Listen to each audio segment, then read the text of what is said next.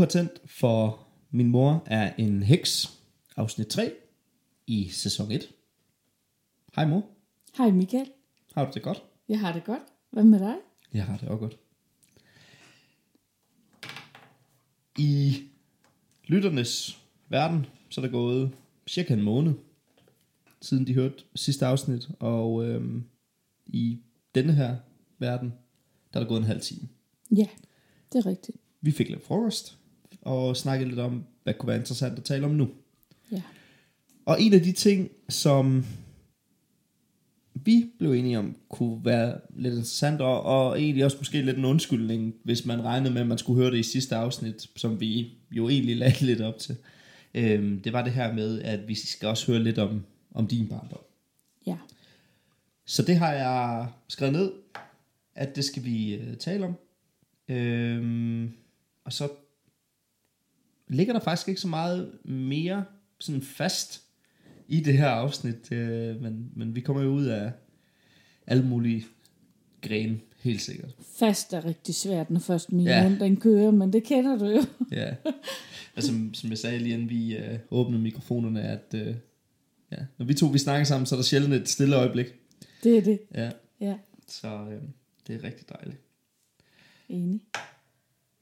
Dit liv med engle og spøgelser, ja. Det hedder jo Mit liv med engle og spøgelser, når det er dig, der holder ja. Foredraget. Ja, Det har jeg jo som sagt øh, været så privilegeret, at jeg har oplevet live.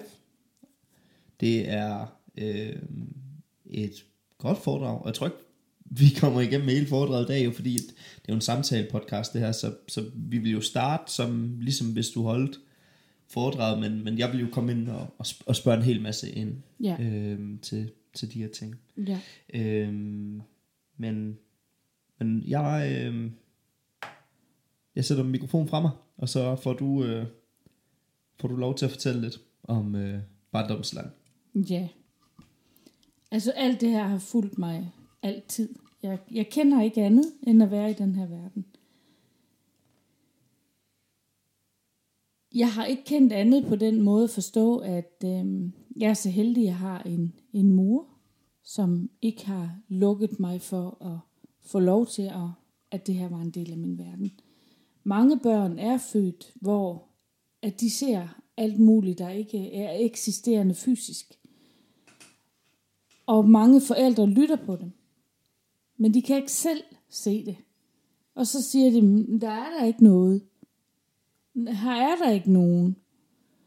Og så bliver øh, børnene usikre, og så lukker de af for det. Og så er det først, når de bliver voksne, store, at det begynder at melde sig på banen igen.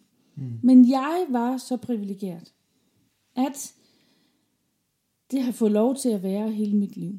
Altså min mor har fortalt mig historier, fordi det er fra hvor jeg har været så lille, jeg ikke selv kan huske det. At jeg sad i en høj stol og fik mad med en ske. Og jeg havde altså ikke ret meget sprog. Men jeg kunne lige sige pige. Og jeg sidder og kigger stiv forbi min mor og siger pige. Og hun kigger rundt.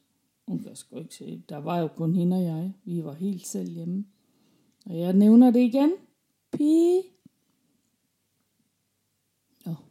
Men hun gør mig færdig. Og enten samme dag, eller et par dage senere, hun kan ikke huske selv huske sammenhængen. Men der går vi ud i haven. Sammen. Jeg kunne ikke gå. Jeg havde brug for hendes støtte af en finger eller en hånd. Så ser jeg en sommerfugl. Så peger jeg på sommerfuglen, og så siger jeg, pige. Så vidste min mor, hvad jeg snakkede om. Så vidste hun, at det, jeg havde peget på bag ved hende, det var en engel. Ja, fordi øh, sommerfugle er symboler for... Sommerfugle er små englevæsener Mm. i dyrekrop. Ja, Det, det, er det, det, det er ikke første gang, jeg hører dig sige det jo, men, Nej. men det er alligevel sådan lidt... Øh, det, det, det er nok her, min kæde begynder at have lidt svært ved at følge med, fordi Kan hvordan kan man være noget forstå. englevæsen, men, men have noget fysisk form og, og Du kan ja. godt som engel inkarnere i et dyr eller mm. et menneske. Der er også mennesker, hvor man kalder, det der, det er et engle menneske. Mm. Og de har en helt speciel energi, de der engle mennesker. Og mange af dem har faktisk lidt svært ved, at de synes, det er hårdt at være i den her barske verden. Mm. Men når, når de er hos mig, og jeg ligesom giver dem den der forståelse og info om, om de har tænkt over, at de måske var et englemenneske. Og så refererer jeg gerne til en bestemt bog, de kan gå hjem og læse om, hvor øh, engle, englemennesker og stjernemennesker hedder den. Hvor de så kan gå hjem og læse om det fænomen at være et englemenneske. Mm. Så får de en helt anden opfattelse af dem selv, og kan man sige, de føler at lidt deres liv måske får lidt mere berettigelse, eller de finder deres plads på en eller anden måde. Så engle inkarnerer os, og det gør de for at, at, at, at give øh, det pust til verden, det skal være, at, at de er her. Mm. Så, så det har fulgt mig alle dage, og, og hun fortæller også om, at jeg var ikke ret stor. Jeg lå i min seng og, og ikke rigtig kunne sove, og, og så sagde jeg ting, og så, så spørger hun mig, "Ja, hvor ved du det fra? Det vidste jeg ikke. "H- Hvem er det, du snakker med? spurgte hun så. Mm. Og så har hun sagt til mig, er det Gud, du snakker med? Hun vidste ikke, hvad hun skulle sige jo. Så har jeg kigget sådan meget intenst på hende, og så har jeg sagt, ja, det var det vist. Altså du ved, det var, det var et, noget, der var større end mig, jeg havde talt med. Nå. Men jeg ved ikke, hvad jeg... Men øh, som sagt, jeg ved ikke, hvad jeg har snakket med dem om, fordi for mig var det jo bare sådan, det var. Ja. Og sådan har det været i skolen også, hele vejen op. Øh, min mor fortæller mig om, at øh, jeg kom hjem fra skolen dag, så sagde jeg, alle pigerne i klassen er sure på mig. Ah, sagde min mor, så er de nu også sure alle sammen. Det var de. De var sure på mig alle sammen. Fordi jeg havde sagt, at fru Møller, det var vores lærer, hun var gravid. Og det var hun jo ikke, fordi det havde vi jo ikke fået noget at vide om. Men der gik ikke ret lang tid, så blev det offentliggjort, at fru Møller, hun var gravid. Mm. Og det startede med, at fru Møller, hun var rigtig sur og vrøvlet og gnavende. Altså sådan rigtig, øh, sådan var hun normalt ikke. Og så klagede de i frikvarteret over, at fru Møller, hun var sur, og så sagde jeg til hende, så sagde jeg til dem, de skulle bare slappe af og lade hende være, som hun var, for det var bare, fordi hun var gravid. Og nu skulle jeg ikke stå og lyve, og jeg skulle ikke gøre alt muligt, så de var så sure på mig. Men så blev det jo offentliggjort kort efter, at fru Møller, hun var gravid. Var der slet ikke nogen, der tænkte sådan, hvor fanden vidste du det fra? Altså, hvem har du snakket med? Var der ikke nogen, der kommenterede på det, eller hvad? Nej, jeg løj da bare. Nå, Ja, men i det var deres så rigtigt verden. nok, øh, Ja. det blev offentliggjort. Ja, Så men i var bare- deres verden, der løj jeg jo bare. Nå. Så der var, ikke, der var ikke andet i det, end at jeg løj jo bare. Hmm. Og, og opdigtede bare en historie. Så det, det passede ikke, og nu skulle jeg ikke stå der og lyve, og jeg skulle ikke sige sådan nogle ting, når det ikke var rigtigt og sådan noget. Hmm. Så nu var de jo... Så de, jeg, og jeg har ikke... Og, og det, der er jo sjovt, det er, jeg har jo ikke engang opfattet alt det her. Det var jo bare, det er jo bare røget ud af min mund. Mm. Ikke? Jeg har ikke tænkt over, at jeg har sagt det. Og jeg har altid haft den der følelse af, at, øhm, at jeg hørte ikke til. Jeg havde altid nogen lege med. Jeg var altid sammen med nogen. Det var ingen problem. Der har, jeg har altid fået at vide, også i skolen fra lærerne, men jeg var vældig, jeg var en god ven, jeg var en god klassekammerat, alt det der. Fik flidspræmien øh, flere gange. Ja, øh, og- som og- skolens mest flittigste elev. Jamen, jeg fik frihedsfremme faktisk for at være for godt kammeratskab. Nå, Men jeg følte ikke, jeg hørte til. Der var gruppen, og så stod jeg ved siden af. Men jeg kunne stå inde midt i gruppen. Jeg kunne stå inde midt i gruppen, og alle talte hen over hovedet på mig, men jeg følte, jeg stod udenfor. mm. Jeg har aldrig hørt til. Og det er jo fordi nok, at jeg har følt mig anderledes, end de var. Mm. Men det har ikke gjort mig ensom. Det har ikke givet mig en følelse af at være ensom. Jeg hørte bare ikke til.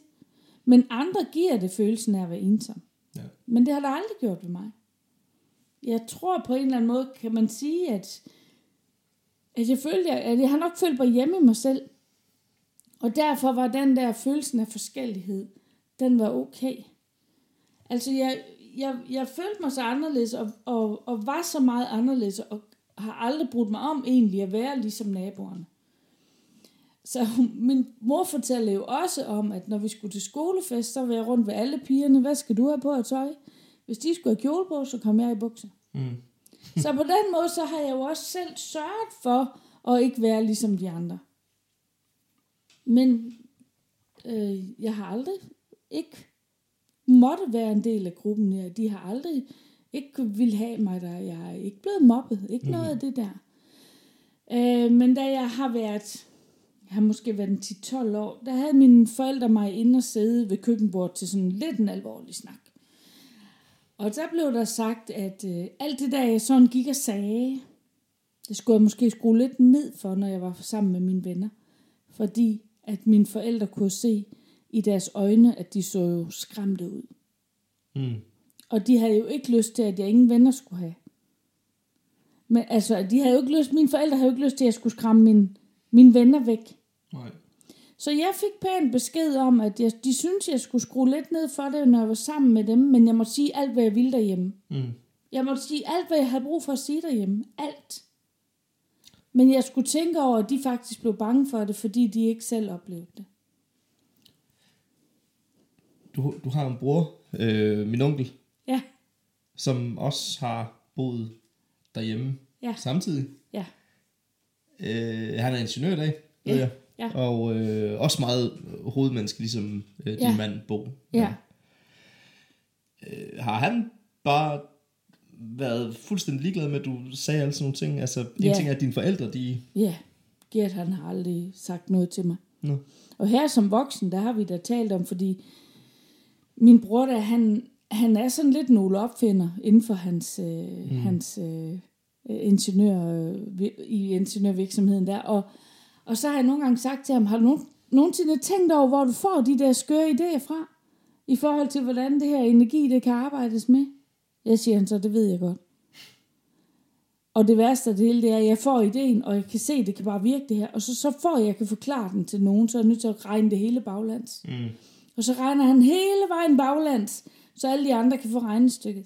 Mm. Og så kan de også få det til at gå op. Og så laver de de her store anlæg i forhold til køling og sådan noget. Så han bruger den jo også, men, men han, brugt, han, har, altså, han har aldrig brugt den bevidst på den måde. Der er vi jo så også tilbage Det i det den første der- spørgsmål. Hvad er spiritualitet, ikke? Præcis. Og det er jo hans stærke intuition, han bruger her. Han får en vision, han giver til at skrive den ned og tegne den ned på et stykke papir, og så kører, kører elementet derfra. Ja. Men jeg er jo vokset op i sådan en familie, hvor... Altså, jeg er født i 1968. Så der i 70'erne, der var i hvert fald ingen, der talte om det her, Michael.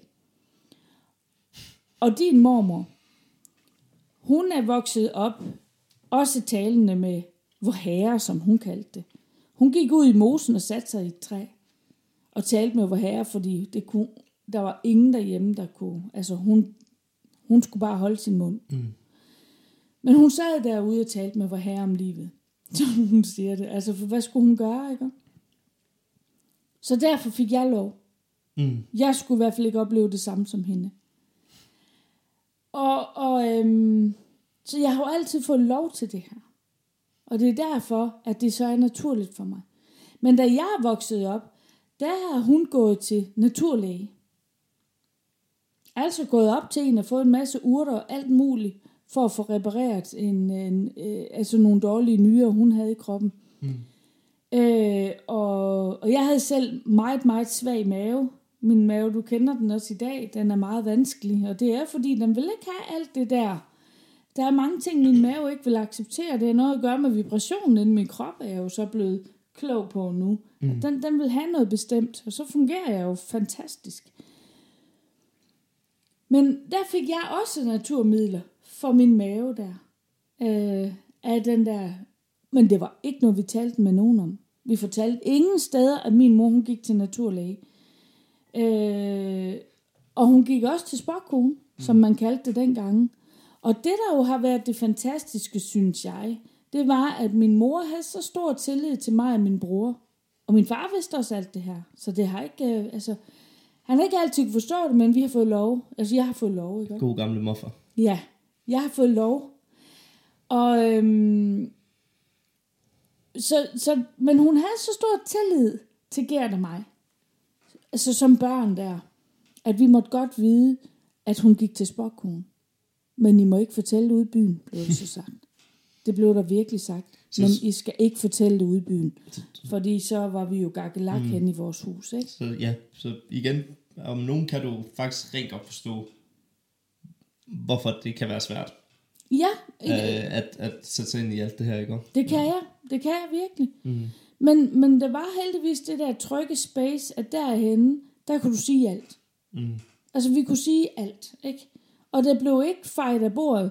Der blev spurgt ind til, hvad vi mente, hvis ikke de forstod det. Jeg har aldrig fået at vide sikkert noget vås. Og det er min bror heller aldrig fået at vide, men noget han har sagt. Der blev spurgt ind til, så de forsøgte at forstå. Ja. Ja. Da jeg er 14 år, lige før jeg skal konfirmeres, der dør min elskede farfar. Og øh, det er den første begravelse, jeg skal til. Og mormor, din mor, mm. eller din mormor, Ja, ja, min mor, hun øh, vidste godt, at hun havde det her meget sensitive barn. Meget følsomme barn. Hun vidste, at jeg havde det her, så jeg var så forberedt på at skulle til den her begravelse. Der var fortalt ned i detaljer, hvad der skulle ske. Altså når vi kommer op til kapellet på sygehuset, så vil der stå den her hvide kasse, den her kiste, der vil farfar ligge ned i. Men farfar er der alligevel ikke. Det er hans krop, men han er der ikke, for han er død. Han sover ikke bare. Farmor, hun vil være meget ked af det. Altså så detaljeret havde jeg fået det at vide, men jeg har fået at vide, at farfar var der ikke. Mm. Jeg har fået at vide rigtig mange gange, farfar er der ikke. Så træder vi ind i det her kapel. Og op ved siden af kisten, ved siden af min farmor, der står min farfar. For mig lys levende. Jeg giver et vin fra mig. I bare forskrækkelse. For jeg havde fået at vide, at farfar ikke ville være der. Og så græder jeg. Mm. Jeg er chokeret. Jeg er, altså jeg blev virkelig forskrækket. Jeg blev meget forskrækket. Men det udløste, at alle gav sig til at græde, så jeg hjalp, kan man sige, på den måde mange til at få givet slip i at sidde og holde på sig selv. Fordi at jeg græd så højlydt, at de kom alle sammen til at græde. Så jeg, og han døde, meget, han døde for ung. Øh, hvis man kan sige det sådan. For i min verden dør du ikke for ung. Men hvis du ser på hans alder. Mm. Og, derfor, og jo, jo yngre mennesker er, når de dør, jo mere berørt er dem, der siger, tager afsked, fordi de føler ikke, de har levet livet færdigt sammen med det menneske, vel? Og min farmor var virkelig til hundene. Øhm, og det, altså, den episode med, jeg var, jeg var, jeg var, jeg var simpelthen ikke til stede den dag. Jeg, jeg kan huske, at vi står ude ved, ved graven, og, og, og, og mennesker kommer forbi og kondolerer. Øhm, men, men jeg var der ikke. Jeg var så chokeret over min oplevelse op i kapellet. Og da vi kommer hjem til min farmor og min fars søskende og alle vores børnebørn, der ligger jeg i første stilling på sofaen. Hele eftermiddagen. Og jeg kan huske, jeg kan, jeg hørte min mor og min farmor stå og tale om, at det var grov, det havde været så hårdt for mig. Mm. Og, øh, og det har, jeg var simpelthen i chok. Fordi det var den første gang, jeg oplever, at det jeg så, det skulle ikke være der. Mm. Jeg tror, det er derfor, jeg er blevet så chokeret. Jeg havde jo fået at vide, at der ikke ville være noget. Og så var der det jo. Ja. Farfar var der jo for mig lyslevende, men det var han ikke for de andre. Så jeg blev meget, meget chokeret. Og, mm. og derfra, og så ind til begyndelsen af 20'erne, jeg så stadigvæk en masse, men der var lidt tonet ned for det. Der var en lille smule toning på, så det ikke stod så klokkeklart op i hovedet på mig. Jeg tror du, det er sådan, øh, hvad skal man sige, sådan meget øh,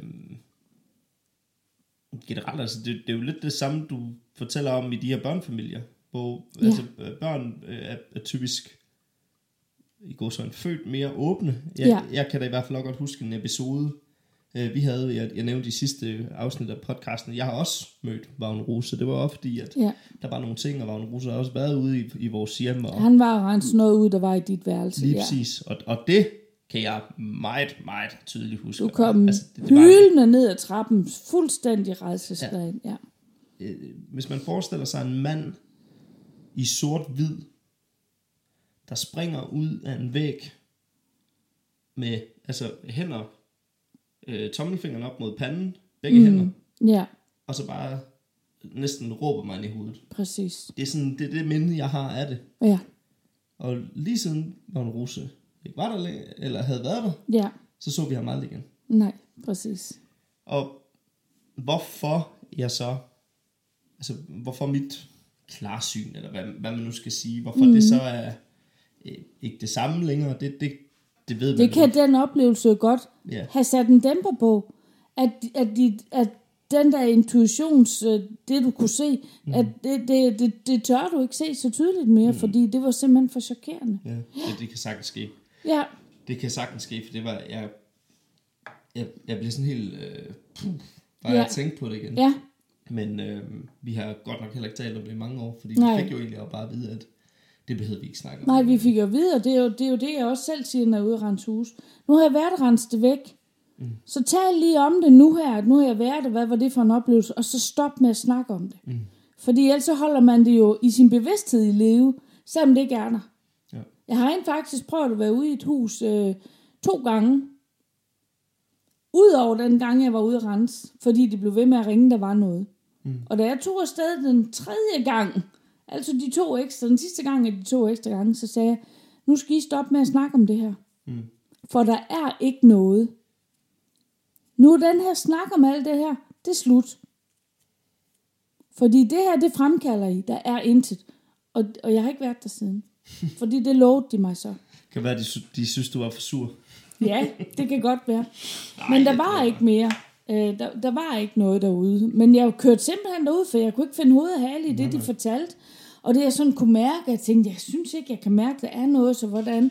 Og så den der, jeg har jo også skulle vokse med opgaven. Mm. Ikke også? Og så tænkte jeg, jeg er simpelthen nødt til at ud og finde ud af, om der er noget, om jeg bare ikke kan mærke, der er noget. Ja.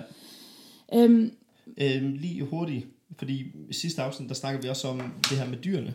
De her katte, der sidder og Ja, kigger ja, til højre ja. til venstre begge to. Øhm, altså, ser du,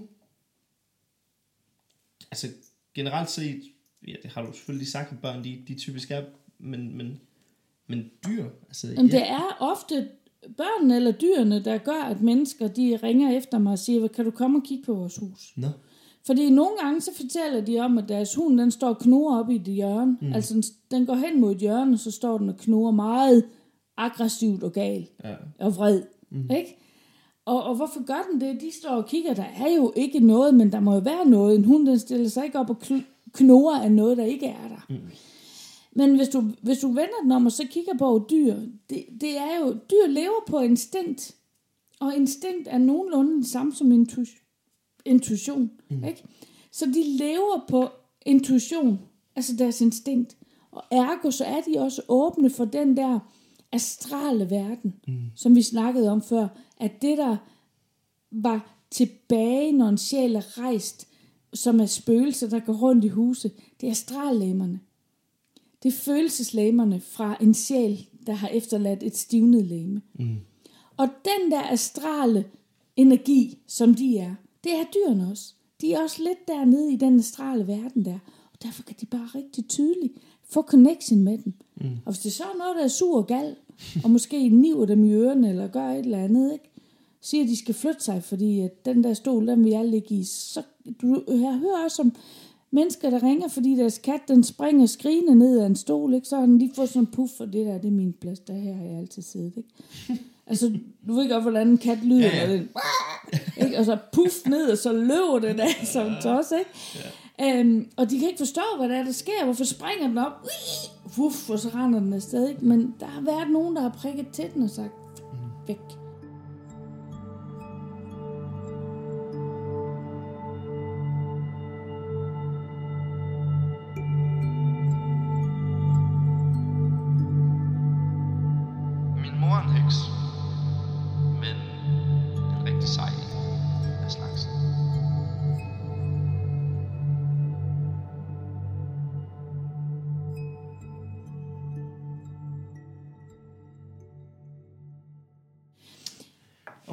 Det var, det var også bare for at øh, lige, lige få den vinget af. Ja, Og det, øh, Men- det synes jeg faktisk, du forklarede rigtig godt. Ja, Ja. vi, vi, vi har ikke haft snakken før det her. Nu. Nej, nej. Øhm, så det var også spændende at høre det her med astrallæmerne. ja. Men, mm. men altså, børn, børn er åbne. Og, og, og nogle gange oplever jeg også, at børn er for åbne. Altså, mm. de, de ser for meget, meget mere, end de kan håndtere. Mm. Og når jeg så healer de børn der, så er det ligesom, der er sådan en lille knap op i deres intuitionscenter, som er det tredje øje lige midt i panden. Så skruer jeg lidt på den knap der. Altså, man skal selvfølgelig vide, hvordan man skruer på den. Men jeg skruer bare lidt ned for den, jeg lukker den aldrig. Fordi de skal jo selv have lov til, når de så er klar til det, så kan de lige så stille selv øge volumen, ikke også? Mm. Jeg tror, det er det, der skete, dengang jeg blev så forskrækket med farfar. At der blev skruet en lille smule ned for min volumen, mm. i forhold til, hvor meget jeg kunne se. Det giver god mening.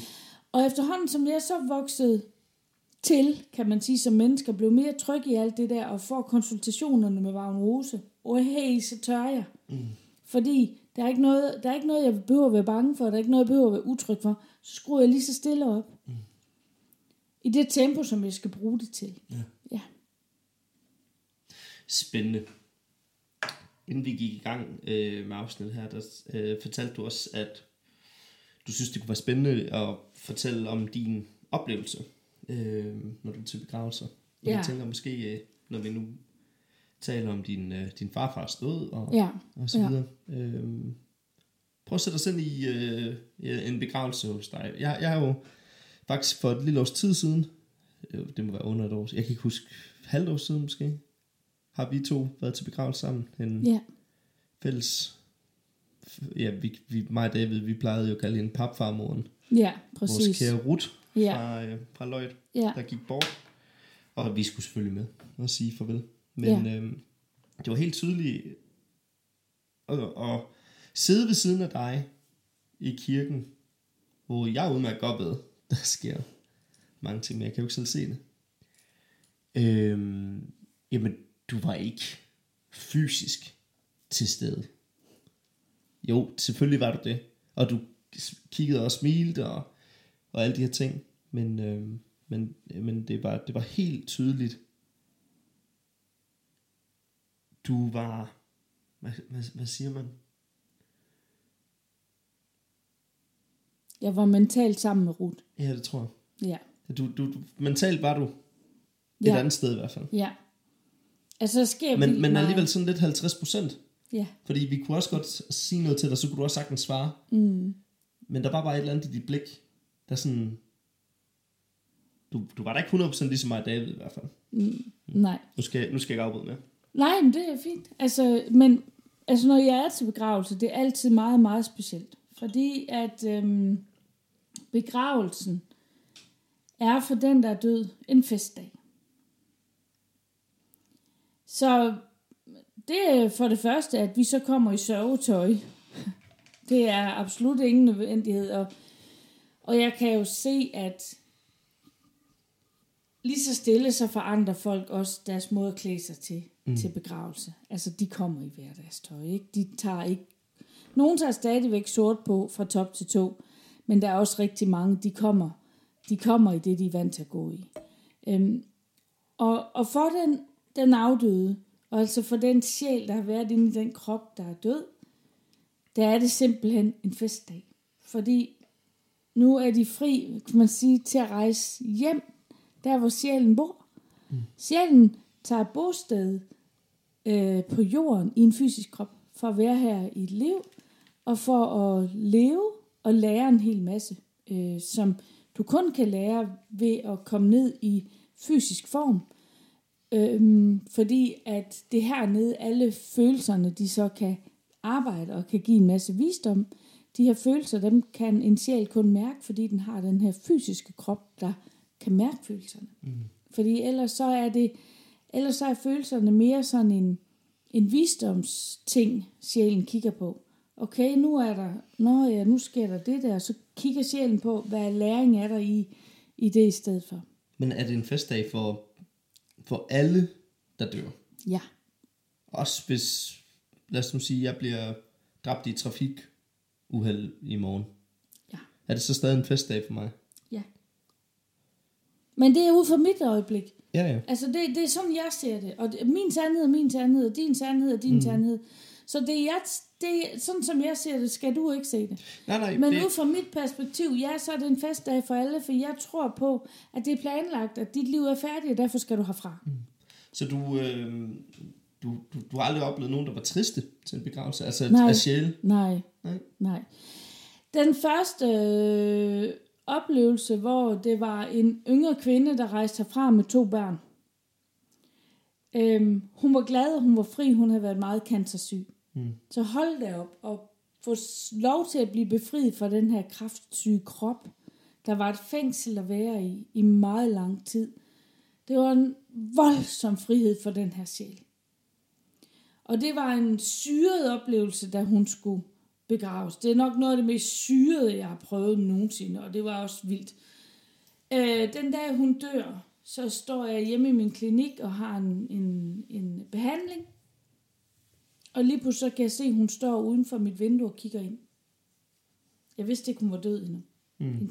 Man har ikke givet mig besked på det tidspunkt. Og så går hun væk fra vinduet. Og da, hun så, øh, da jeg er så færdig med den behandling, så går jeg lige smut rundt om mit hus og ud i haven der, for jeg tænkte, det var da lidt. Så er hun derude. Og så siger hun, jamen af respekt for, for mig og for vedkommende, der var for behandling, så vil hun ikke komme ind. Så derfor kiggede hun bare lige ind ad vinduet, så hun vidste, at jeg var der. Og så siger jeg til hende, hvad, hvorfor er du ikke hjemme ved din familie og få taget afsked? Jamen hun vidste ikke rigtigt, hvordan hun skulle gøre det. Fordi at fordi børnene ikke var ældre, den ældste var 15, og den yngste var 10, så var det, altså det var hårdt for dem, at hun gik der. Så derfor tog hun afsted. Og siger, du er nok nødt til alligevel at være der, fordi de skal have mulighed for at tage afsked. Det var hun glad for at vide, og så tog hun hjem til familien. Og så den dag, hun skal begraves, der kommer hun hjem til mig privat om formiddagen. Og så øh, siger hun, må jeg være her ved dig, indtil vi skal i kirke, fordi familien kan i dag ikke magte her der. Siger, det må du i hvert fald. Men det er sådan lidt mærkeligt, siger jeg så, fordi jeg er faktisk lige på vej ud og købe blomster til dig. Om hun ikke bare kunne tage med. Mm. Så hun gik bag ved mig, og jeg ved godt, det her det lyder altså som om jeg er pipskør i hovedet, men det er sådan det er. Hun gik bag ved mig ind i blomsterbutikken. Forestil dig at være derinde og pege blomster ud til en borgerbuket med den, du skal give borgerbuketten til gående bag ved dig. Det, det, det, det var så syret, altså det, det... Og så... Valgte hun selv sin buket? Jeg peger på dem, så siger hun, nej, skal jeg have sådan nogle flotte blomster? Og jeg var sådan, mm, ja, Mm. nej. Da vi så kommer ud i bilen, så siger jeg, nu må du nok hellere tage i forvejen hen til kirken, fordi det var ikke længe, så kommer din familie, og nu begynder dine gæster at komme, og jeg kommer lige om lidt. Nå, Så da jeg kommer ud i kirken, så møder jeg jo hende derude igen, og der står hun så op ved siden af sin kiste. Som de altid gør. De står altid op ved siden af kisten.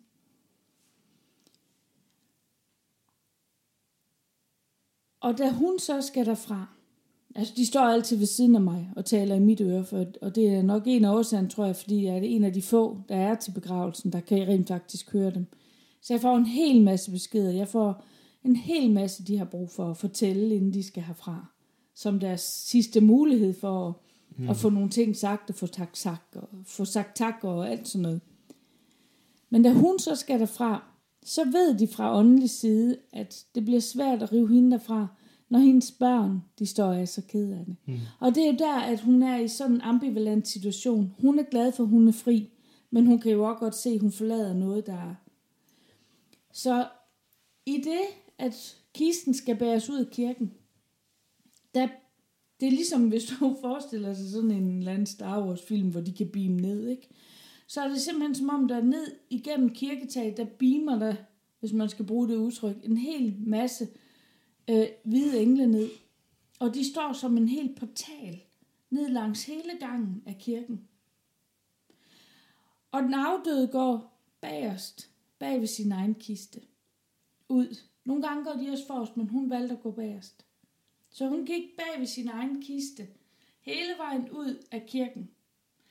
Og i det øjeblik, at hun kommer ned til de to sidste engle, der har lavet den her portal, ikke? Altså en, på den ene side og på den anden side, de står bare to rækker dernede af. Mm.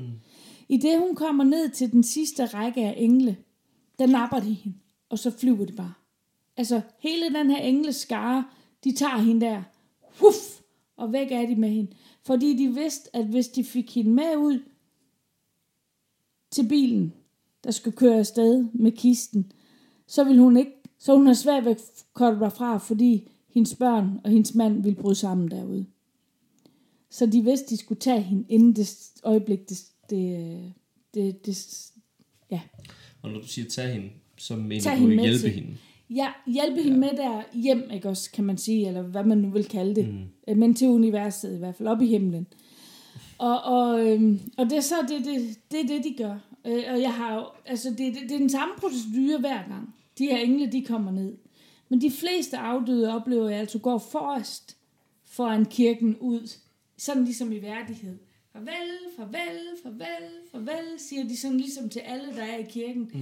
Ned igennem kirkegangen og med alle de her engle bestående, ikke også? Og så oplever jeg typisk, at, at det er, at, at når, de, så- når så vi kommer ud af kirken, øh, og alle er kommet ud, at så tager de den afdøde med. Mm. Øh, men jeg har så øh, oplevet også en gang, hvor den afdøde, øh, de ville tage den afdøde med, og der sagde hun, jeg vil have hele festen med. Så hun ville have lov til, fordi hun vidste, at hendes mand havde planlagt på en stykke kopipapir, at der var en bestemt sang, der skulle synges ude ved graven. Og den fest ville hun jo have med. Mm. Det var hendes yndlingssang. Hun ville da høre os alle sammen synge den sang. Og da den sang så er færdig, så går hun forrest med hele engleskaren bag ved sig, rundt om kirken, og ligesom de kommer hen til, kir- til hjørnet på kirken, svuff, siger det, og så er de væk. Meget smukt. Ja, øh, det lyder utroligt smukt. Jamen det er det, men det er også syret. Altså nogle gange mm. så tænker tænker folk ikke, når jeg fortæller om det. Men jeg har også haft en anden sjov oplevelse med det der begravelse noget. Det er sjældent, man hører nogen sige sjov oplevelse Ja, men- men... begravelse sammen. Ja, det ved jeg godt, og det er det jo egentlig heller ikke, men jeg ser det jo ud fra den, den der dødsperspektiv, mm. ikke? Du sover jo også ligesom alle andre mennesker gør. Det er Ja. klart. Men Det gør jeg. måske i mindre grad, fordi du har en kontakt efterfølgende. Ja, præcis. Mm. Men han ville altså ikke hente sig englene. Han ville have lov til at have den der tur i den der flotte Mercedes, den der, Livvognen. ja, ned til hvor han skulle brænde, så så måtte de tage ham der. Så han satte sig pænt ind på, på passagersædet, og der ville han sidde i den her flotte bil. Og han kom op til mig, og han, øhm, og jeg kendte ham, så øh, han, han, vi havde haft nogle seancer og nogle snakker om i hans øh, sygdomsforløb. Og da jeg så var til den her begravelse med ham, så øhm, står han op ved sin kiste. Og lige pludselig så flyver han op over den her kiste sådan meget dramatisk. Så hænger han deroppe i luften. Så smækker han armene ud til siden, sådan ligesom han hænger som kors, og lægger hovedet bagover, sådan, øh, sådan helt, wow, så står han der, ligesom, kan man sige, Jesus, der hænger på korset der over sin kiste, jeg sad bare der og tænkte, så tænkte jeg, hallo, hvad har du, hvad laver du deroppe? Så slår det mig. Jeg har fortalt ham en gang, at når han lagde sig og fik sin middagslur, så kunne han lægge sig og brede sine arme ud som et kors og bede en bøn. Altså overgive sig. Ikke? Mm. Overgive sig. Altså brede sig ud, så han sad lå som et kors i sin seng. Og så overgive sig til den her bøn, han gerne vil give, sende afsted i form af at bede om healing øh, med lys og kærlighed. Ikke? Jo. Og det, det slår mig så, da han har hængt deroppe i den luft der et øjeblik, så siger jeg, okay, tak for den hilsen. Den var til mig, det er slet ikke i tvivl om. Du vil vise mig, at du har husket, at jeg har sagt, læg dig lige på din seng med armene ud som et kors, og bed om at blive healet med lys og kærlighed. Mm. Og da jeg har sagt det så stille, så kigger han sådan rigtig drilsk på mig, sådan, så stiller han sig ned ved siden af sin kiste igen. Og da vi kommer ud af ki- kirken, og vi står og venter på, at alle får sagt afsked og får lagt deres blomster ind på kisten i den her bil, hvor han skal, han skal brænde, så den skal køres afsted med, Så, øhm, så er hans kone og datter kan se, at, øhm, at jeg er meget optaget. Jeg er ikke rigtig lige med i den seance der. Så da bilen er kørt, så kommer datteren op til mig, så siger hun, hvad stod du og snakkede med far om? No. Så fortalte jeg det, hvad han sådan havde berettet til mig, og hun var så glad. Mm. Så ja, de troede i hvert fald på det. Ja. Ja, og de synes, det var så hyggeligt, at jeg fortalte, at han ville have den sidste køretur i den smukke bil. Det, det er dejligt, det er, det er som nogen har det. Ja, præcis. Men jeg ved jo godt, det er nogle syrede historier, når jeg fortæller dem til min mand, så sidder han også med store øjne og tænker, hold da helt ferie fast. Ja. Men som han siger til mig, jeg tror på det, når du siger det, Helle. Mm. Men jeg forstår jeg, det jeg, ikke jeg sidder altid. bare og tænker, altså... Hvis du skulle finde på det her... At, at, altså... Det... det nej, jeg, jeg, jeg kan ikke... Jeg kan ikke tage en djævelens advokat her på her. Og det, det tror jeg, det er fordi, jeg fik lov at opleve dig til Ruts begravelse. At, at, at ja, jeg, jeg, er- jeg er 100% overbevist om, at, at det er sådan, du oplever det. Øh, jeg kan godt sidde og blive sådan helt sådan øhm, utilpas, når du sidder og taler om, at begravelser og fester og... og Det de er det for den afdøde. Ja, ja. Altså, det er der absolut ikke for dem, der skal sige farvel. Nej. Og det er jeg jo fuldstændig med på. Det, det var Det er jeg helt med på. Ja. Men, men det er en festdag for den, der skal rejse hjem, fordi de, mange har jo været syge, inden de dør. Mm. Rigtig mange har været syge, inden de dør.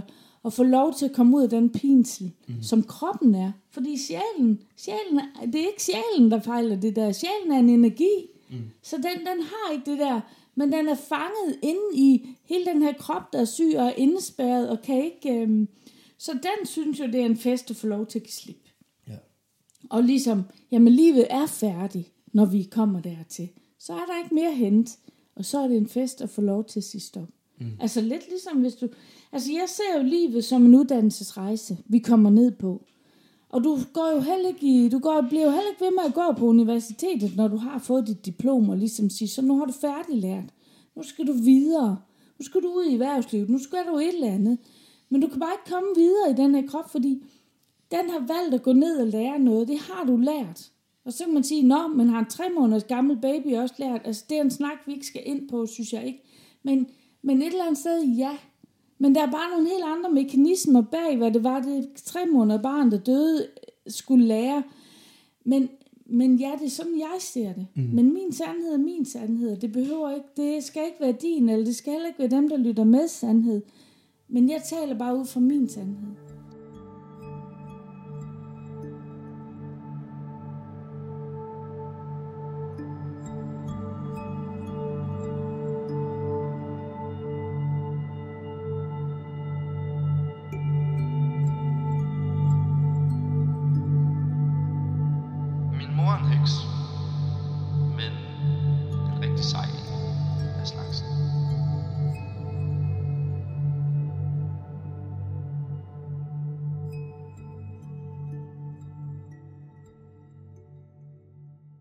Podcasten hedder Min mor en heks. Ja. Og jeg er jo ikke interesseret i at høre, hvad alle andre synes. Nej. Jeg er kun interesseret i at høre, hvad, Ja. hvad du synes. Og som Ja.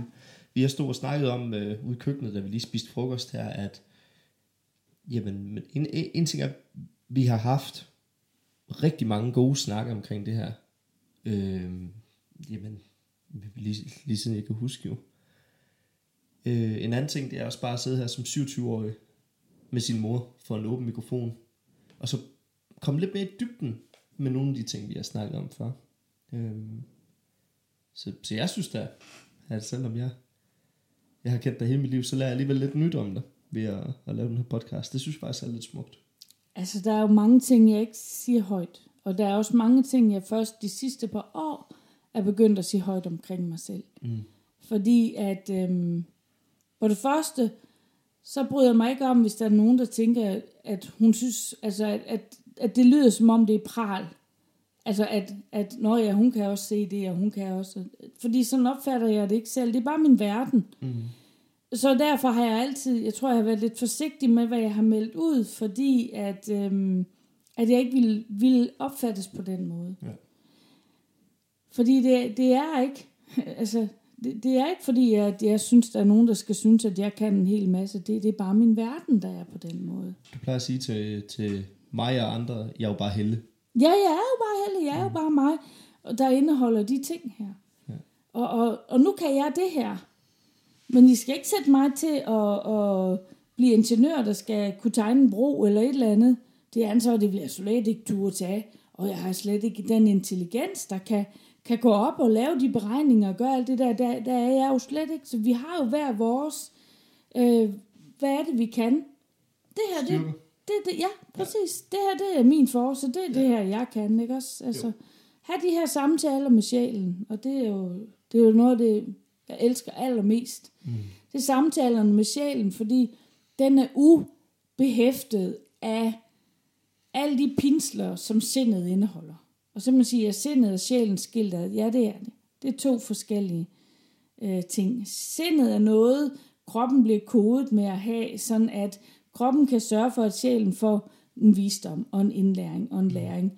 Og det får den via, at vi har et temperament, og vi har en væremåde, der gør, at vi støder i forskellige situationer, vi støder ind i nogle bestemte mennesker, vi har et bestemt måde at behandle os selv på, og det lærer sjælen rigtig meget af. Mm. Men, øhm, og, og, og derfor så ser jeg, altså jeg nyder at tale med sjælen, fordi den er, den er ærlig, og den er ikke, den, øhm, den tør være der. Og derfor så, øhm, den der connection, jeg synes, jeg tit har med, med mennesker, der er døde, når de så kommer til mig som sjæl, den er jo, den er jo så ren. Mm. Fordi der er kun kærligheden, der er ikke, der er ikke forbeholdende. Det, det, er, det, og, det, og det er mærkeligt. På en eller anden måde, så er det mærkeligt. Men, men øh, det er jo din virkelighed. ja, Du lever den jo bare. ja jamen, jeg har jo valgt at leve den ud, ikke? Og nu har vi så bare valgt at forklare, Mm, hvad det er. ja. Fordi jeg synes jo, du er, du er et af de mest interessante mennesker. Øh, lige præcis på grund af virkeligheden, ikke? Så jeg synes, det er lidt fedt, at du har sagt ja til at, at prøve at åbne lidt op med det her. Øh, begravelser. Øh, tungt for fysiske elementer. Fester for, for sjælelige elementer. Præcis.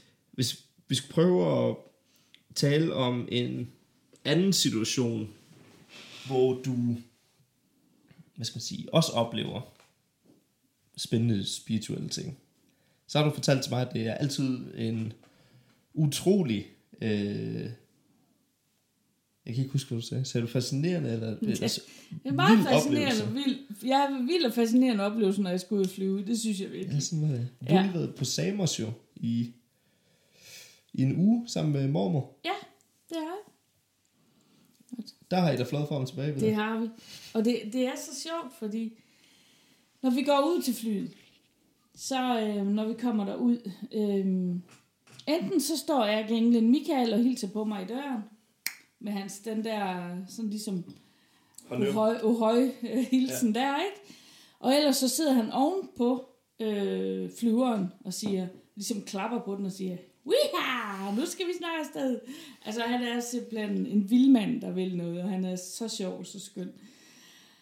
Og, øhm, og så lidt forskelligt, men så øhm, tit så siger han til mig, jeg må hellere, jeg må hellere gå ind i cockpittet, så jeg kan holde godt øh, fat i ørerne på piloten. Så. Og så nogle gange så har han sådan ligesom også sagt til mig, det er simpelthen sådan lidt skørt og sådan lidt åndssvagt. Du kan være helt sikker på, det her fly, det falder ikke ned. Fordi det der bøvl med alle de døde, der skal hjælpes herfra, det gider jeg ikke. og så griner vi lidt af det, ikke? Altså, det er hans, det er hans jargon, ligesom at mm. sige til mig, du kan bare tage den ro. Ja, ja. Vi kommer så fint derned. Han er en jokester. Det er han. Ja. Han er så herlig. Og øhm, til at starte med, når jeg fløj, så kunne jeg altid se, at øhm, der var, øh, ud over Udover Michael, der sad og ligesom havde overblikket over, at vi kom godt igennem det, så var der sådan ligesom øh, fire engle, to foran og, og to bagved. Men det har så forandret sig til, at han er der, men at, øh, at altså, at flyet er, om, flyet er omringet af engle. Mm. Og lige så snart det er i luften, så hænger de inde under flyet. Altså ligesom de er opdriften, Mm. kan man sige. De, de holder det flyvende, eller, og det er, det er meget smukt, synes jeg. Og jeg Men det kan du vel ikke se? Du kan vel ikke se igennem gulvet?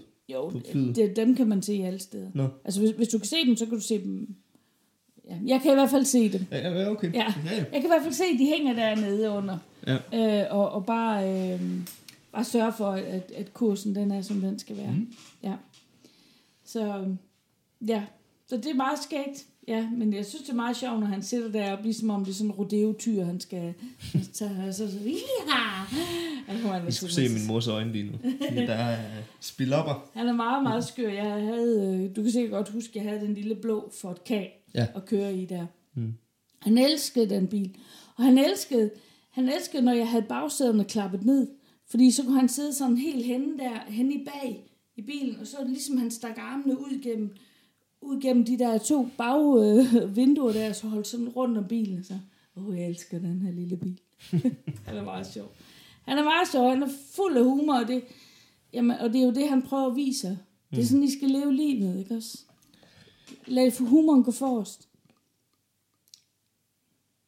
Jeg, jeg, jeg kan ikke lade være med at sidde og tænke på, at altså, du er godt nok sjældent alene, hva'? Det er der ingen af os, der er. Vi er aldrig alene. Nej, men du er Alle har bare sine mere opmærksom på, Ja, at du ikke er alene. ja. Bliver du aldrig sådan træt af det?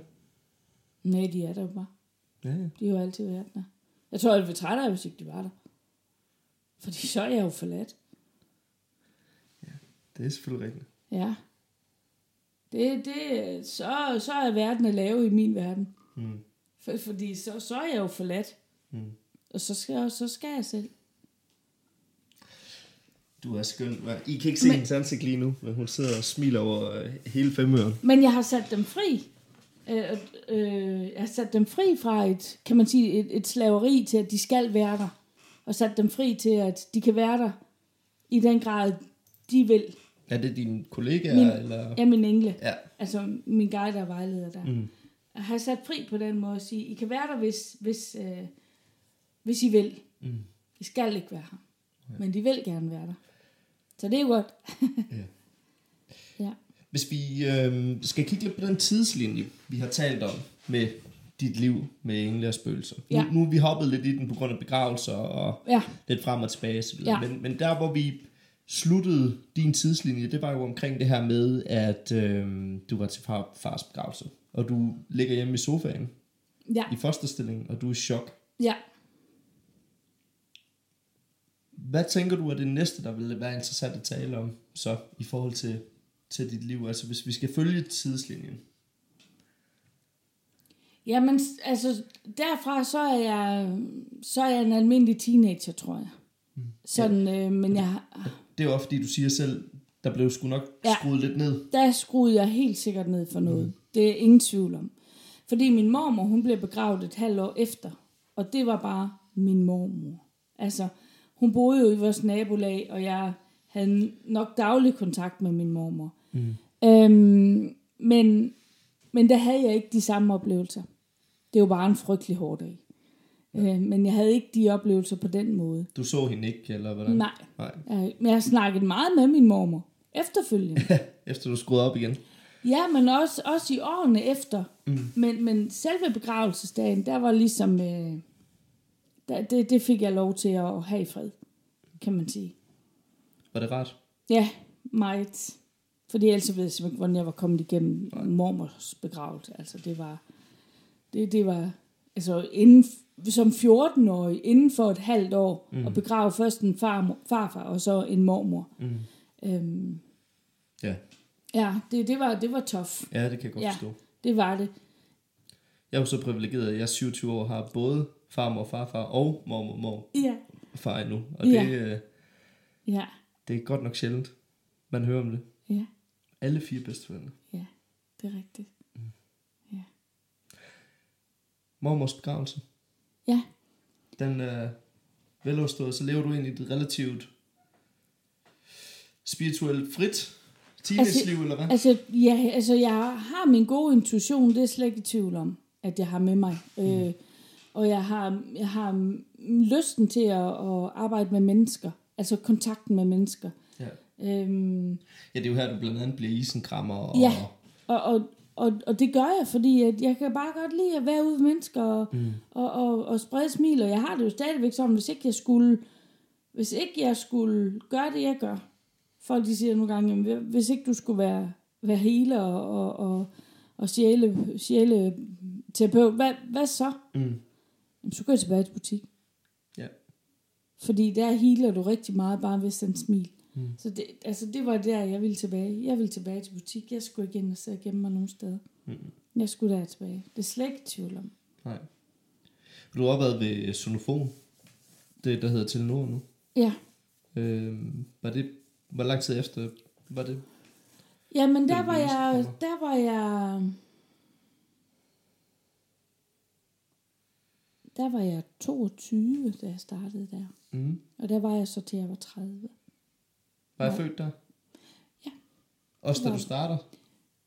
Som 22 år? Nej, Nå. det var du ikke. Jeg kan ikke Øhm, huske, hvor gammel du var, da du fik mig. Det må du undskylde. Hvad knap været? 26. Ja. Ja. Så min alder. Ja. Mm. Øhm, jamen, jeg, jeg elskede det. Det var jo en blanding af kontor og butik, så jeg fik jo alle mine ønsker opfyldt på en gang. Fik lov til at sidde og, og nørde og skrive og taste på en computer. Jeg fik lov til at være ude ved, ved kunderne og, og gøre det, der skulle gøres der. Og, øhm, jamen det, det har bare altid været mit liv, det der med at have, have mennesker tæt omkring mig. Da jeg øh, bliver um, mm, mm 21, 22 år, ja, den samme tid, som jeg starter der nogenlunde, der Øh, startede jeg også og, og bliver aerobic-instruktør Ja. i Lloyd. Og de er jo meget ældre end mig, mange af de damer, der går der, de er omkring 40-årsalderen, og de kommer hen til mig før, før øh, timen og efter timen og fortæller om deres liv. Altså fortæller, at ej, jeg er blevet fyret, og altså alle sådan nogle ting, hvor ligesom, hvorfor fortæller I mig det? Altså, mm. men det gjorde de. De fortalte mig alverden. Og, og din mormor, min mor, hun gik også med på det hold. Og hun kunne jo godt høre, at folk de øh, sagde ting til mig, og så svarede jeg. Og hun tænkte, det hun svarede der, det kunne hun simpelthen ikke vide noget som helst om. Hvad, hvad kunne du for eksempel svare? Jamen, jeg kan jo ikke huske det. Nej. Fordi, og det er, jo, det er jo sådan, det er. Når ikke det har været filtreret igennem min hjerne, fordi det er en tænkt sætning, så er den nogle gange rigtig svært at huske. Fordi den er ikke lagret nogen steder. Mm. Den er bare kørt igennem, og så er den bare ude i systemet. Kunne man, kan man argumentere for, at du på en eller anden måde egentlig bare har rigtig, rigtig nemt ved at komme i et flow? Ja, Altså, Ja. det, er jo, det er jo egentlig det, der sker i en Ja. arbejdsproces, når man rammer det flow der. ja. Men ja, ja, energien kommer fra oven og ned igennem Sådan mig, og der. så ryger det bare ud af min Ja. mund, ikke? Og så lukker du ned lige så hurtigt for det. Ja, ja, det gør jeg. Og så, øhm, så kommer hun hen til mig den ene gang, så siger hun, du, øh, det er et svar, du lige gav den kvinde der. Hvor ved du det fra? Fordi hun havde jo hørt mig stå og sige noget, som hun vidste, fordi hun kendte mig så godt, som hun gjorde. Det, jeg sagde der, det vidste jeg ikke en disse om. Men jeg svarede alligevel, bare sådan, ud af min mund. Ja, det er mormor. Ja, Din mor, det er sagde mormor, ikke? der kommer ja. hen og siger til mig, det du lige sagde der, hvor ved du det fra? Så, det ved jeg ikke, det ved jeg bare. Så jeg så, hvad skulle jeg sige? Det ved jeg ikke, det ved jeg bare. Lev med det. Ja, lige præcis. Det ved jeg ikke. Så sagde hun, jo, hvor ved du fra? Men siger, jeg ved det ikke, jeg ved jeg det ikke. Jeg ved det ikke, jeg ved det bare. Mm. Det er bare sådan. Hmm, sagde hun så. Mm. Og så derfra, der begyndte hun meget at prikke til mig. Sådan ligesom for at gøre mig opmærksom på, at jeg gik og sagde rigtig meget igen nu, som jeg ikke vidste noget om. Ikke? Jeg var mm. rigtig taget den der tråd op igen. Jeg gik rigtig og sagde meget til mange, som Åh, jeg ikke vidste ligesom noget da om. du var barn. Ligesom da jeg var barn, hvor jeg bare sagde, Ja. du ved, umiddelbart bare sagde det, der sådan ville ud af min mund. Puff, mm. puff. Ikke? Um, og hun kunne jo se så, når hun samlede den der tråd op igen, det skal jeg vist lige have hende gjort opmærksom på, at hun faktisk siger noget, hun faktisk, rent faktisk, ikke kan vide noget om. Ja. Og, og, og det var nok sådan lidt startskud til, at, at jeg begyndte at få øh, nogle ting. Og så, så øh, holdt øh, din mormor, min mor, hun holdt nogle intuitionstræningskurser for nogen. Så hoppede jeg der med der, bare for sjov. Mm. Skulle, skulle jeg jo ikke bruge det til noget, vel? Men bare for sjov, det var da meget sjovt. Så sammen med en anden en, ham og mig, der holdt hun sådan nogle tarot-aftener. Hun kunne selv godt lide at lege med tarotkort. Mm. Og vi ville gerne vide noget mere om det. Så vi tre, vi satte os ned og nørdede i tarotkort. Det var meget godt. Øhm, det var meget sjovt. Så øh, vi tre, vi blev enige om, at vi skulle på sådan et øh, intuitionstræningskursus sammen op i Kolding ved mm. en. Oh, det var virkelig syret. Der fik jeg i hvert fald set nogle bagsider af hele det her arbejde med at gå ind i noget arbejde med det højere energi, hvor man lige skal have, og klap nu lige hesten, altså vi, vi blev ikke grounded, vi blev ikke beskyttet, vi gjorde ingenting. Man klemte bare på. Okay. Og det ender jo også med, at ham, der har det kursus der, øhm, inden vores kursus er omme, så får vi besked om det aflyst, fordi han er rent faktisk blevet indlagt. Fordi han heller ikke selv beskyttede sig. Han passede ikke på sin kanal eller noget. Så han blev syg af at gøre arbejdet. Det, det, det skal jeg skulle lige have uddybet. Det, det forstår jeg ikke helt. Nej, men, men han blev simpelthen indlagt på psykiatrisk afdeling, fordi at når du arbejder med at, at, at, at være en kanal for noget energi, mm. der skal du, det, det, det skal man ikke bare lukke op for, bare sådan, for sådan nogle store, stærke energier. For så kan du få snavs med ind i. Og den snavs, det er for eksempel den der astrallemme, som vi snakkede om. Altså andres følelsesenergier kan komme med ind i dit, det så kommer med ned i dit system. Og så starter så noget, øh, ja, i hans verden nærmest sådan, jamen, han blev i hvert fald syg. Altså, så han var nødt Altså, til at vi indlægge sådan noget, at- man næsten føler, at man bliver besat? Ja, agtigt, ja. Nå. Tror jeg simpelthen, han blev. Øh, så, mm. så vi, vi blev ringet op om, at det her kursus, det var aflyst resten af tiden, fordi han var blevet indlagt på psykiatrisk. Og vi var der, vi tre, og vi tænkte, hvad er det her for noget? Men vi kendte til at beskytte os. Så vi havde beskyttet os hjemmefra. Det gør vi altid. Jeg beskytter mig altid. Jeg beskytter mig hver dag. Sådan at, at jeg ikke går ud i verden til alle andres inficerede energier og kan få det med ind i mit eget system. Mm. De må gerne hænge ude i mit aurafelt, mit energifelt rundt om mig. Mm. Men de skal ikke ind i mig. Og det er hele forskellen. Men han beskyttede ikke. Han gik bare i gang. Mm. Og når han så lukker op til at være sådan en stærk kanal for, at alle vi andre, vi skal have noget energi at trække af, det blev han altså syg af. Og det var jo en voldsom visdom at sidde og få som, hvad? Hvad har jeg været? 20? Mm. 21? Et eller andet. Og det skulle i hvert fald være på plads, alle de der ting. Og det alle dem, der går på kurser og alt muligt ved mig, altså, Ja. det er meget sådan noget, jeg jo lærer ud, Ja. ja. ligesom, hvad gør I? Altså, hvordan passer I på jer selv? Eller, hvad mm. gør du for at ground det, spørger jeg nogle gange nogen. Mm. Og t- jamen, det gør ikke noget. Eller, jamen, hvordan renser I jer af? Og sådan noget, ikke? Mm. Ja. Mm. Fordi... Det, der Det er jo ikke kun- ufarligt, det her. Nej, der, og jeg skulle lige til at sige, der er jo ikke kun gode energier. Nej, der er jo også, Der er jo også ja, hvad, hvad, hvad kalder man dæmoner? der er dæmonenergien, men der er også bare, bare alle menneskers vrede, Mm. som de bærer yderst på kroppen, den skal jeg jo ikke hen i mig. Nej. Altså, så der, der er mange, mange negative energier og kan slæbe med sig. Ja. Så, så øh, det, altså, det, det er ikke legetøj at Nej. lave det arbejde, jeg gør. Det, Ja. det skal man virkelig kende til. Fordi hvis du går i din hverdag og i din dagligdag, og ikke lukker op for energien på den måde, som jeg gør, når jeg arbejder, så kan du sagtens klare dig bare, kan man sige, med at, at gøre det, du gør.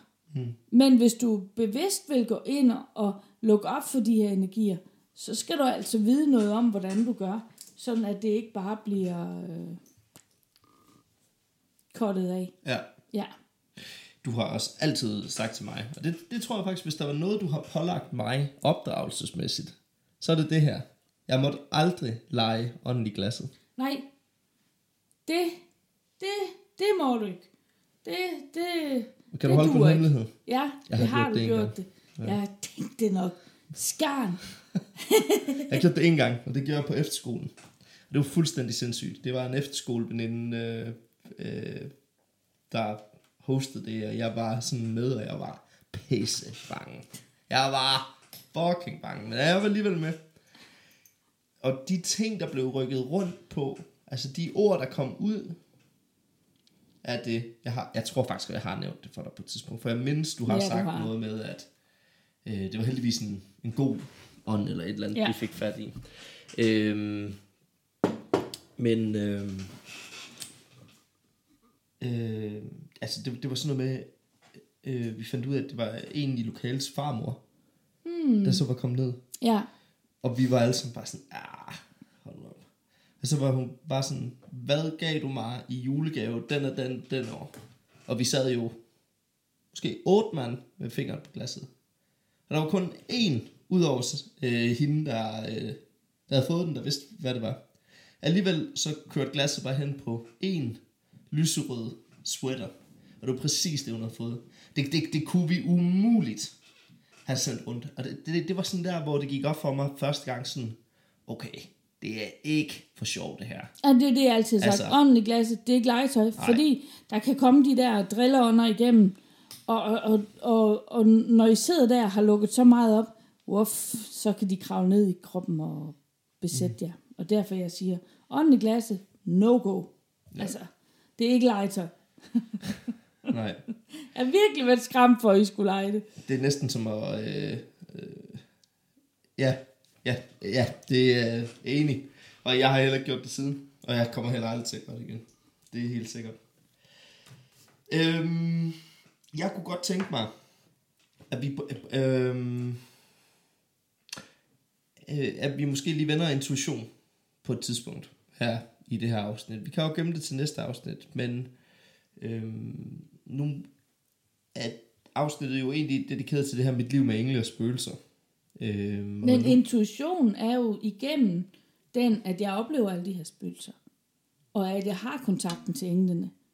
Fordi det starter som en intuition, og så jo mere du udvikler den intuition, så bliver den til en klaviant evne, og dernæst så bliver mm. det så udvidet et spektra, kan man sige, at det bliver til klarsyn. ja, Og intuitionen er, intuitionen er den der sjette sans, som vi alle sammen et eller andet sted har. Mm. Altså, hov, når vi bare kan mærke noget rigtigt. ja, eller noget forkert, det der skal Ja, jeg ikke. Eller præcis. man lige vil træde ud på kørebanen, og nej, træde lige tilbage igen. Øj, der kom lige en bil, jeg havde overset der, mm. ikke?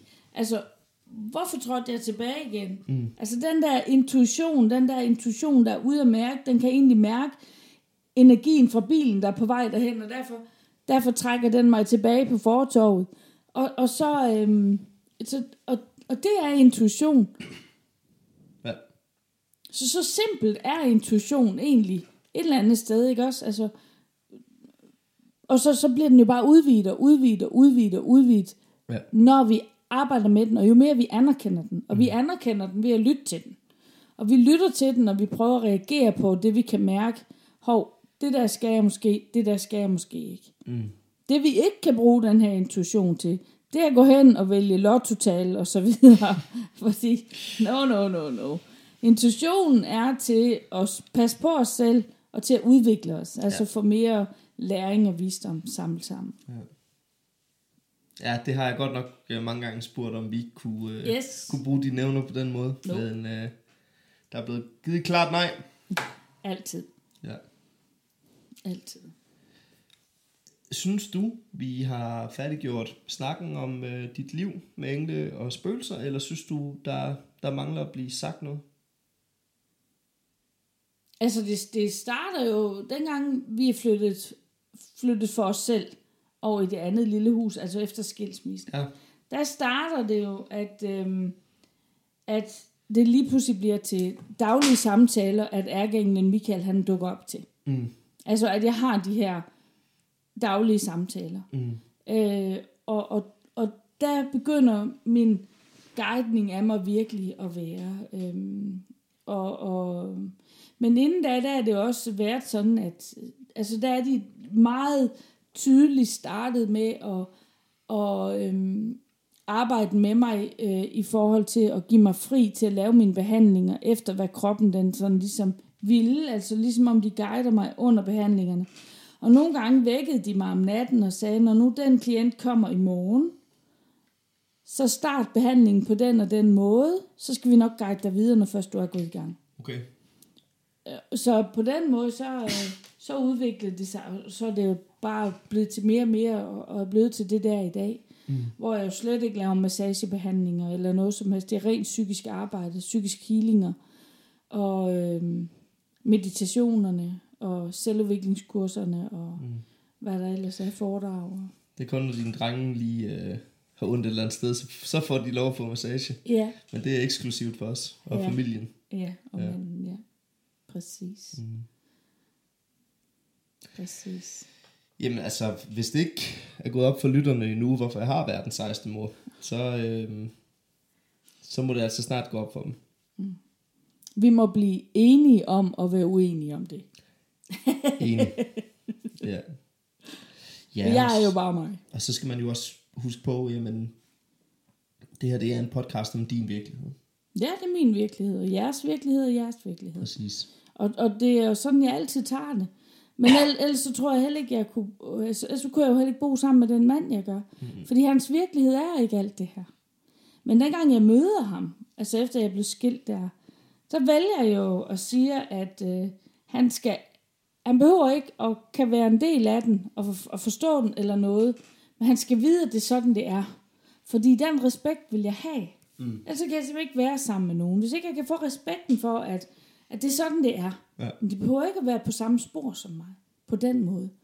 Så jeg en af de første øh, dates, eller hvad man kalder møder, vi havde, hvor vi, hvor vi, hvor vi så var sammen og sad og snakkede, så, fortalte, jeg- så tænkte nu fortæller jeg ham det hele. Mm. Fordi inden jeg bliver for glad for ham, så kan han jo høre historien og stikke af. Lad være med at komme igen. Mm. Eller han kan tænke, nå ja, det, det lyder da meget interessant. ja. Det gjorde han heldigvis. Ja, han tænkte, nå jamen, øh, Og det er vi glade for. det, det forstår jeg sgu ikke rigtigt, det der, men hun er meget sød. Så vi bliver ved. ja, det er vi meget glade ved. Det er Ja. fint, ja. Jamen, øh, jeg synes, vi skal runde af så. Det tror jeg på. Det, øh, det, det, det virker som et godt sted, og øh, vi runder også øh, dagen af. Nu her jo. Nu har vi Det siddet vi. sammen i 6 timer og optaget Ja, tre episoder. Så må vi øh, se, hvornår vi skal i gang med det igen. præcis. Men øh, Ser jeg frem til. husk, som altid, så ligger der øh, links til Helles, min mors, hjemmeside og Facebook-profil, som man kan gå ind og følge. Her vil man kunne læse øh, meget mere, hvad, øh, hvad Helle laver. Og øh, ja. Øh, Ja, følge mit virke, hvad jeg, præcis. hvad jeg har af sjove, mærkelige, skøre påfund, der Ja. foregår hjemme i mit arbejdssted. Og jeg har altså været med til de meditationer, du har. Det er flere gange. Mm. Og der er jo både begynderhold, og der er øvet hold. Mm. Og øh, Begynderholdet er lidt på standby for tiden. okay. Men det, der er masser af udhold. Jeg vil i hvert fald bare sige, hvis, hvis man er interesseret i det, så er det en meget, meget stor oplevelse at være en del af. Mm. Jeg husker i hvert fald tydeligt en gang, hvor jeg var med, hvor øh, øh, vi var dybt, dybt nede i meditationen, hvor øh, jeg, var- jeg var faktisk helt sikker på, at du stod op og havde en, en finger rigtig hårdt ind i ryggen på mig, lige mellem skulderbladene. Ja. Øh, og det gjorde faktisk ondt Ja. til sidst, så jeg at kigge øh, op og for at sige, gider du godt lade være? ja, det gad jeg Der ikke, stod bare ikke for nogen. jeg stod der ikke.